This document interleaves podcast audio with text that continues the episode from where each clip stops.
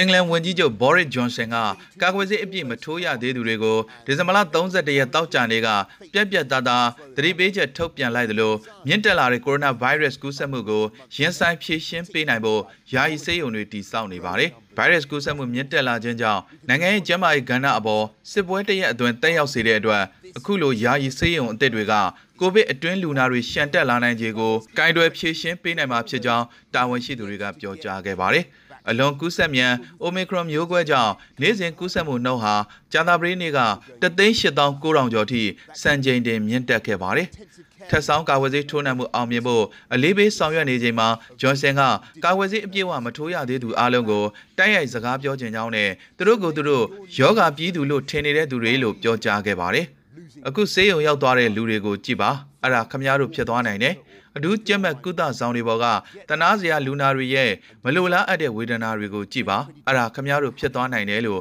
ဂျွန်ဆန်ကဆိုပါတယ် လန်ဒန်ဘရစ္စတိုနဲ့လစ်အပါဝင်မြို့ကြီးတွေကဆေးရုံ၈ခုရဲ့အဆောက်အဦတွေမှာအပိုကရင်တွေပံ့ပိုးပေးသွားမယ်လို့ကျန်းမာရေးဌာနကပြောကြားခဲ့ပြီးတခုစီမှာအပိုလူနာ100ခန့်ထားရှိနိုင်ဖို့စီစဉ်ထားပါတယ်။လန်ဒန်တောင်ပိုင်းရှိစင်းကျော့ဆေးရုံပြင်ပမှာတော့လူသားတွေဟာဆေးရုံအသစ်ရဲ့အမိုးတွေတက်ဆင်ဖို့အတွက်တပ်ထုပေါင်းတစ်ခုကိုခင်းကျင်းနေတာကို AFP သတင်းတောက်တွေကကြာသပတေးနေ့မှာတွေ့မြင်ခဲ့ကြရပါတယ်။ ကိုဗစ်ကူးစက်မှုမြင့်တက်လာပြီးဆေးရုံတဲ့လူနာများပြားလာတဲ့အတွက်ကျန်းမာရေးဌာနအတွက်တိုက်ပွဲတစ်ခုအတွင်းရောက်ရှိနေပြီဖြစ်ကြောင်းမျိုးသားဆေးဘက်ဆိုင်ရာညွှန်ကြားရေးမှူးစတီဖန်ပေါ်ဝစ်ကပြောကြားခဲ့ပါတယ်။ကျွန်တော်တို့အနေနဲ့ဒီယာယီဆေးရုံတွေကိုဘယ်တော့မှအသုံးမပြုရဖို့မျှော်လင့်ကြောင်း၎င်းကထပ်လောင်းပြောကြားခဲ့ပါတယ်။ UK ဟာဥရောပတိုက်ရဲ့ယောဂကူးစက်သေဆုံးမှုအဆိုးရွားဆုံးနိုင်ငံတွေထဲကတစ်ခုဖြစ်ပြီးသေဆုံးသူ3,4800ကျော်ရှိနေပါတယ်။နိုင်ငံတော်ဝန်မှာ ကိုဗစ်ရောဂါဖြစ်ပွားမှုမြင့်တက်လာနေတာကြောင့်ကနေဒါနိုင်ငံကွေဘက်ပြည်နယ်မှာနှစ်တစ်ကူအကြိုညအတွင်းညမထွက်ရအမိန့်ထုတ်ပြန်ခဲ့ပါတယ်။ခရစ်စမတ်အားလပ်ရက်အပြီးမှာကျောင်းတွေပြန်တက်ဖို့ဆိုင်းငံ့ထားပြီးမကြသေးမီရက်များအတွင်းပြည်내အများအပြားမှာလူစုလူဝေးကန့်သက်ချက်တွေကိုတင်းကျပ်ထားပါတယ်။ကွေဘက်ဝန်ကြီးချုပ် Francois Legault ကပြောကြားရာမှာတောက်ကြနေည10နာရီကနေနောက်တရက်နနက်9နာရီအထိညမထွက်ရအမိန့်ထုတ်ထားပြီးပြည်တွင်းမှာရှိတဲ့ကျန်းမာရေးစနစ်ကိုပြိုလဲသွားစေနိုင်တဲ့ကိုဗစ်မြင့်တက်မှုကိုနှေးကွေးစေဖို့အတွက်လှုံ့ဆော်နေတာဖြစ်ကြောင်းနဲ့ညမထွက်ရအမိန့်ရုပ်သိမ်းမဲ့ရက်ကိုမတတ်မှတ်ရသေးဘူးလို့ဆိုပါတယ်။ဒါကပြင်းထန်တဲ့အခြေအနေတစ်ခုအတွက်စိုးရွားတဲ့အရေးလက္ခဏာတစ်ခုပါလို့၎င်းကသတင်းစာရှင်းလင်းပွဲမှာပြောကြားခဲ့ပြီးမကြသေးမီအတွင်းစေယုံတက်ရသူဥယျာဉ်နဲ့ကျန်းမာရေးဝန်ထမ်းပြက်ကွက်မှုတွေနှစ်ဆတိုးလာတယ်လို့ထောက်ပြခဲ့ပါတယ်။အဆိုပါညမထွက်ရအမိန့်ကိုချိုးဖောက်သူမြည်သူမဆိုဒဏ်ငွေ6000တိချမှတ်မှာဖြစ်တယ်လို့စားသောက်ဆိုင်တွေတီးသန့်ပါတီပွဲတွေကိုလည်းပိတ်ပင်ထားပါတယ်။ဂျာတာပရီနေ့ကအွန်တာရီယိုကမိုးလုံလေးလုံးအားကစားပွဲနဲ့ဖျော်ဖြေပွဲတွေကိုဝန်ဆန့်သူဥယေရဲ့90ရာခိုင်နှုန်းသို့မဟုတ်လူဥယေ1000ထက်နည်းတဲ့နှုန်းနဲ့ကန့်သက်လိုက်ပြီးခုခံအားနည်းသူတွေနဲ့တက်ကြီးရွယ်အိုတွေအတွက်စတုထမြောက်ထက်ဆောင်ကာဝယ်ဆေးထိုးနှံမှုကိုတရားဝင်ခွင့်ပြုထားပါတယ်။တစ်ချိန်တည်းမှာပဲ British Columbia မှာနှစ်တကူအကျိုးညပွဲတော်အားလုံးကိုဖျက်သိမ်းခဲ့ပြီးစားသောက်ဆိုင်တွေမှာအစားအစာများသုံးဆောင်ခွင့်ကိုခွင့်ပြုထားပေမဲ့ရောနှောနေထိုင်ခြင်းနဲ့ကခုံခြင်းတွေကိုခွင့်မပြုကြောင်းထုတ်ပြန်ချက်မှာဖော်ပြထားပါတယ်။ကွေဘက်ဟာ Delta မျိုးကွဲကိုတွေ့ရှိချိန်တုန်းကလည်းကိုဗစ်ပြန့်နှံ့မှုကိုနှိပ်ကွေးစေဖို့အတွက် January လကနေမေလထိအောင်ညမထွက်ရအမိန့်ချမှတ်ခဲ့ပါတယ်။ လွန်ခဲ့တဲ့ရာစုနှစ်တခုကျော်ကစပိန်တုပ်ကွေးကပ်ရောဂါဖြစ်ပွားပြီးချိန်ကလေးကကနေဒါမှာယခုလိုကာလရှည်ညမထွက်ရမယ့်ထုတ်ပြန်တာမျိုးမရှိဘူးကြောင်းတမိုင်းပညာရှင်တွေကဆိုပါတယ်။ ယခုသတင်းပတ်အစောပိုင်းကကွေဘက်ဟာကိုဗစ်ကူးစက်ခံရသူကျန်းမာရေးဝန်ထမ်းတွေကိုအနားယူခွင့်ပြုထားပေမဲ့ယောဂလက္ခဏာမပြတဲ့ဝန်ထမ်းတွေကိုတော့ကျန်းမာရေးစောင့်ရှောက်မှုစနစ်ပြိုလဲမှာကိုစိုးရိမ်တဲ့အတွက်ဆက်လက်အလုပ်လုပ်ဖို့ဆုံးဖြတ်ခဲ့ပါတယ်။ကနေဒါဟာမကြသေးမီရက်များအတွင်းကိုဗစ်ရောဂါဖြစ်ပွားမှုစံချိန်တင်အရေးအတွက်ကိုရောက်ရှိခဲ့ပြီးပြီးခဲ့တဲ့သတင်းပတ်နောက်ပိုင်းကြာသပတေးနေ့မှာကူးစက်မှုအသစ်3000ကျော်ထိနှစ်ဆတိုးလာခဲ့ပါတယ်။ ဒါပေမဲ့ဒီအရေးအတွက်ဟာစမ်းသက်စစ်ဆေးနှုန်းအားနည်းမှုရှိနေတဲ့အတွက်တကယ့်ဥယျာဉ်ထက်လျော့နေနေနိုင်ကြောင်းကျန်းမာရေးဌာနကတာဝန်ရှိသူတွေကိုတတိပေးထားပါတယ်။ထောက်ပံ့ရေးနဲ့တေယူပို့ဆောင်ရေးဂွင်းဆက်ပြတ်တောက်မှုကြောင့်အီခဲယာဟာ လာမယ့်နှစ်အတွင်း၎င်းရဲ့ထုတ်ကုန်ပစ္စည်းဈေးနှုန်းတွေကိုပြန်မြ900ခိုင်နှုန်းထိတိုးမြင့်သွားမယ်လို့ဆွီဒင်ပရီဘောကကုမ္ပဏီကြီးကပြောကြားခဲ့ပါတယ်။ကယောဂါကြောင့်ထောက်ပံ့မှုနဲ့ပို့ဆောင်ရေးကဏ္ဍအခက်အခဲတွေဟာငွေကြေးဖောင်းပွားမှုနဲ့ကမ္ဘာလုံးဆိုင်ရာစီးပွားရေးအကျပ်တဲကိုတိုးမြင့်လာစေပြီးစားသုံးသူတွေဘက်ကအစင်မပြေမှုတွေရှိလာတဲ့အတွက်ကြာတာပရိနေ့က ကြေညာချက်ထွက်ပေါ်လာခဲ့ပါတယ်။တခြားစက်မှုလုပ်ငန်းများစွာနီးတူဤခဲရအနေနဲ့လည်းမကြာမီကာလအတွင်းထုတ်ကုန်အဆက်မပြတ်ဖို့အရေးအတွက်ဈေးစကတက်စေမဲ့တတိသာထင်ရှားသောတေယူပို့ဆောင်ရေးနဲ့ကုန်ကျန်းကန့်သက်ချက်တွေကိုဆက်လက်ရင်ဆိုင်နေရတယ်လို့ IKEA စတိုးဆိုင်တွေရဲ့90ရာခိုင်နှုန်းကိုပိုင်ဆိုင်ထားတဲ့ဥပိုင်ကုမ္ပဏီ Inca Group ကထုတ်ပြန်ချက်မှာဖော်ပြထားပါတယ်။မြောက်အမေရိကနဲ့ဥရောပမှာ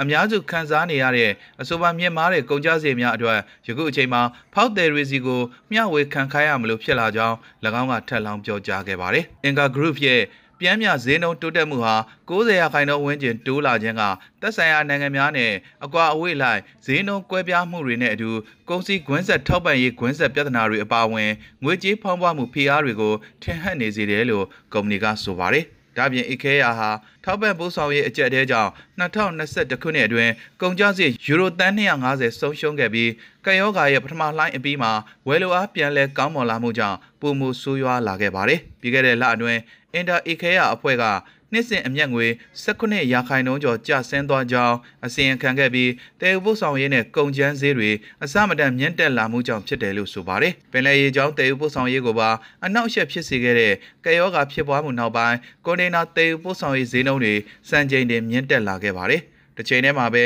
ကမ္ဘာအကြီးဆုံးပရီဘောကရောင်းချသူရဲ့နောက်ွယ်က franchiser ကတော့တနစ်တာအတွင်း၎င်းရဲ့ရောင်းအားယူရို15.6ဘီလီယံ800ခိုင်နှုန်းထိမြင့်တက်လာခဲ့ကြောင်းဖော်ပြခဲ့ပါတယ်။ဒါပေမဲ့ကမ္ဘာလုံးဆိုင်ရာစွမ်းရည်ဈေးနှုန်းတွေမြင့်တက်ခြင်းထောက်ပံ့ရေးကွင်းဆက်များကျဆင်းခြင်းနဲ့ဝယ်လိုအားတုံတုံးမြင့်တက်လာခြင်းတွေဟာငွေကြေးဖောင်းပွားမှုကိုဖြစ်ပေါ်စေခဲ့ပါတယ်။ ယူရိုနိုင်ငံတွေအတွင်းငွေကြေးဖောင်းပွားမှုဟာနိုဝင်ဘာလအတွင်းမှာ4.9ရာခိုင်နှုန်းထိရောက်ရှိခဲ့ပြီး1996ခုနှစ်ကငွေကြေးတစ်မျိုးတည်းကိုပဲစတင်အသုံးပြုခဲ့ပြီးနောက်ပိုင်းစံချိန်တင်မြင့်တက်လာခြင်းဖြစ်ပါတယ်။အမေရိကန်မှာလည်းကုန်စည်နှုန်းတွေဟာ39နှစ်တာကာလအတွင်းအမြင့်ဆုံးဖြစ်တဲ့2020ခုနှစ်နိုဝင်ဘာလနဲ့နှိုင်းယှဉ်မှာကရခိုင်လကထက်6.8ရာခိုင်နှုန်းမြင့်တက်လာခဲ့ပါတယ်။ Omicron မျိုးကွဲကြောင့် ကိုဗစ်ရောဂါကူးစက်မှုမြင့်တက်လာနေတဲ့အစ္စရေးမှာကိုကန်အားနည်းသူတွေအတွက်စတုထအကြိမ်မြောက်ထပ်ဆောင်ကာကွယ်ဆေးထိုးနှံပေးသွားဖို့ဒီဇင်ဘာလ30ရက်ကြာသပတေးနေ့ကအတည်ပြုလိုက်ပြီးယခုလိုပြုလုပ်တဲ့ပထမဆုံးနိုင်ငံတွေထဲကတစ်ခုဖြစ်လာခဲ့ပါတယ်။ Pfizer ရဲ့ကိုဗစ်ကာကွယ်ဆေးပြားတွေ နိုင်ငံအတွင်းကိုပထမဆုံးအသုတ်ရောက်ရှိလာချိန်မှာအခုလိုအတည်ပြုလိုက်တာဖြစ်ပါတယ်။ခုကနေပါသူတွေကိုစတုဒ္ဓအကြိမ်မြောက်ကာကွယ်ဆေးထိုးနှံဖို့ဒီကနေ့အတည်ပြုလိုက်ပါတယ်လို့ကျန်းမာရေးဝန်ကြီးဌာနညွှန်ကြားရေးမှူးချုပ် Nash Manesh ကသတင်းတောက်တွေကိုပြောကြားခဲ့ပါတယ်။စတုဒ္ဓမြောက်ကာဝယ်ဆေးထိုးနှံထားသူတွေအပါအဝင်လူတို့အတွင်းမှာကာဝယ်ဆေးရဲ့အကျိုးကျေးဇူးတွေကိုပြသတဲ့လေ့လာမှုတွေအရ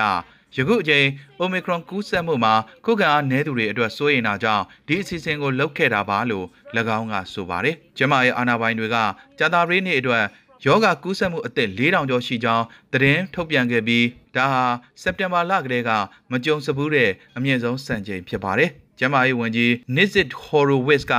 အစ္စရေးမှာကိုဗစ်ဖြစ်ပွားမှုပြစ်စမလိုင်းရိုက်ခတ်နေပြီဖြစ်ကြောင်း ပြောကြားခဲ့ပါတယ်။ဝန်ကြီးချုပ်နက်ဖတလီဘန်နက်ကအစ္စရေးဟာပြည်သူတွေကိုတတိယကြိမ်ထပ်ဆောင်ကာကွယ်ဆေးထိုးနှံပေးခဲ့တဲ့ကမ္ဘာပထမဆုံးသောနိုင်ငံတွေထဲကတစ်ခုဖြစ်တယ်လို့စတုထမြောက်ထပ်ဆောင်ကာကွယ်ဆေးထိုးနှံပေးရမှာလဲဥဆောင်လမ်းပြဖြစ်လာမှာပါလို့ဆိုပါတယ်။နိုင်ငံလူဦးရေ9.4တန်းရှိတဲ့အစ္စရေးမှာ4.2တန်းကျော်ကကိုဗစ်ကာကွယ်ဆေး3ကြိမ်ထိုးပြီးဖြစ်ပါတယ်။ဘယ်ဂျီယံကပြန်တန်းလာတဲ့အစ္စရေးလေကြောင်း LL လေယာဉ်ဟာကြာသပတေးနေ့က Pfizer ကထုတ်တဲ့ Paxlovid ကိုဗစ်ကာကွယ်ဆေးပြားတွေကိုတည်ဆောင်လာပြီး Tel Aviv လေဆိပ်ကိုရောက်ရှိလာခဲ့ပါတယ်။ ဘဲနဲ့က၎င်းတို့ကိုကိုဗစ်ရောဂါတိုက်ဖျက်ရေးစစ်ပွဲမှာအရေးပါတဲ့အပူဆောင်လက်နက်တစ်ခုအဖြစ်ချီးကျူးခဲ့ပါတယ်။မိမိတို့ရဲ့လျင်မြန်သောလှုပ်ဆောင်မှုတွေကြောင့်စေဝါတွေလျင်မြန်စွာရောက်ရှိလာပြီးလာမယ့် Omicron လှိုင်းရဲ့အထွတ်ထိပ်ကိုဖျက်ကျော်နိုင်အောင်ကူညီပေးပါလိမ့်မယ်လို့၎င်းကပြောကြားခဲ့ပါတယ်။တောင်အာဖရိကနိုင်ငံသားများဟာကိပ်တောင်ဖျားเจ้าကိုဒီဇင်ဘာလ30ရက်ကြာတာပတေးနေ့ကရောက်ရှိလာကြပြီးရုပ်အလောင်းကိုထင်းရှူခေါင်းတလားမှာပြင်ဆင်ထားတဲ့ကဘာတဝမ်းကကြီးညိုလေးစားရသူဖုန်း တော်ကြီး Desmond Tutu ကိုနောက်ဆုံးကာရဝါပြုခဲ့ကြပါတယ်။ရခင်ကဂိုင်းအိုဆရာတော်အဖြစ်နဲ့လူပြူအုပ်ချုပ်ရေးကိုစန့်ကျင်ခဲ့တဲ့နိုဘယ်ငြိမ်းချမ်းရေးဆုရှင်ရဲ့ရုပ်အလောင်းကိုအင်္ဂလိကန်ဘာသာရေးဆရာ6ဦးကစိန့်ကြော့ဖျားရှိခိုးကြောင်းကိုတည်ဆောင်ခဲ့ကြပါတယ်။လူကြီးလူငယ်များတဲ့ဖုံးတော်ကြီးအတွက်လူအခွင့်အရေးထောက်ခံသူတွေကဖော်ပြလိုတဲ့ကျိုးနုံမှုအဖြစ်ဇော်မွားပန်းစည်းတွေကိုရိုးရှင်းတဲ့ခေါင်းတလားပေါ်မှာတင်ခဲ့ကြပါတယ်။ အသက်60အရွယ်မောပန်းနွမ်းနေနေတဲ့စိတ်သက်ရေးရာနဲ့လူထုခေါင်းဆောင်ဟာတနင်္ဂနွေနေ့ကငြိမ်းချမ်းစွာကွယ်လွန်ခဲ့ပြီးလာမယ့်စနေနေ့မှာမီးတကြိုမှာဖြစ်ပါတယ်။ရုပ်အလောင်းကိုအဓိကလူများနိုင်သမျှများများနှုတ်ဆက်နိုင်စေဖို့အတွက်ကြာတာပတေးနေ့နဲ့တောက်ကြနေ့တွေမှာဂါရဝပြုခွင့်ဖွင့်လှစ်ပေးထားပါတယ်။ ရုပ်လောင်းကိုအခုလိုအများသူငါဝင်ရောက်ဂါရဝပြုနှုတ်ဆက်ဖို့ခွင့်ပြုလိုက်တာနဲ့တပြိုင်နက်အာဖရိကတောင်ပိုင်းကရှေးအကြဆုံးဖျားเจ้าစီကိုတာမန်လူမျိုးပေါင်းစုံအသက်အရွယ်မျိုးစုံအာဖရိကသားတွေမရက်မနာဝင်ရောက်ဂါရဝပြုကြပါတယ်။၎င်းတို့အနက်က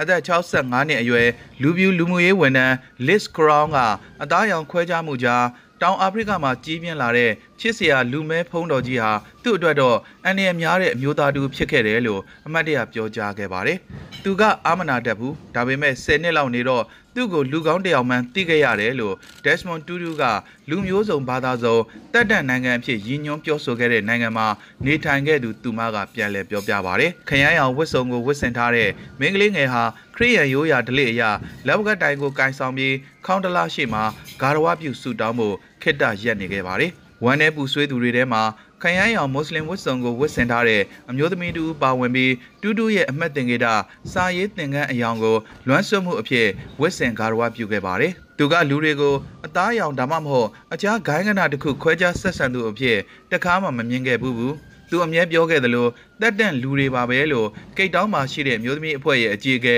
လူစီလီဟယ်လီဂါကပြောကြားခဲ့ပါတယ်။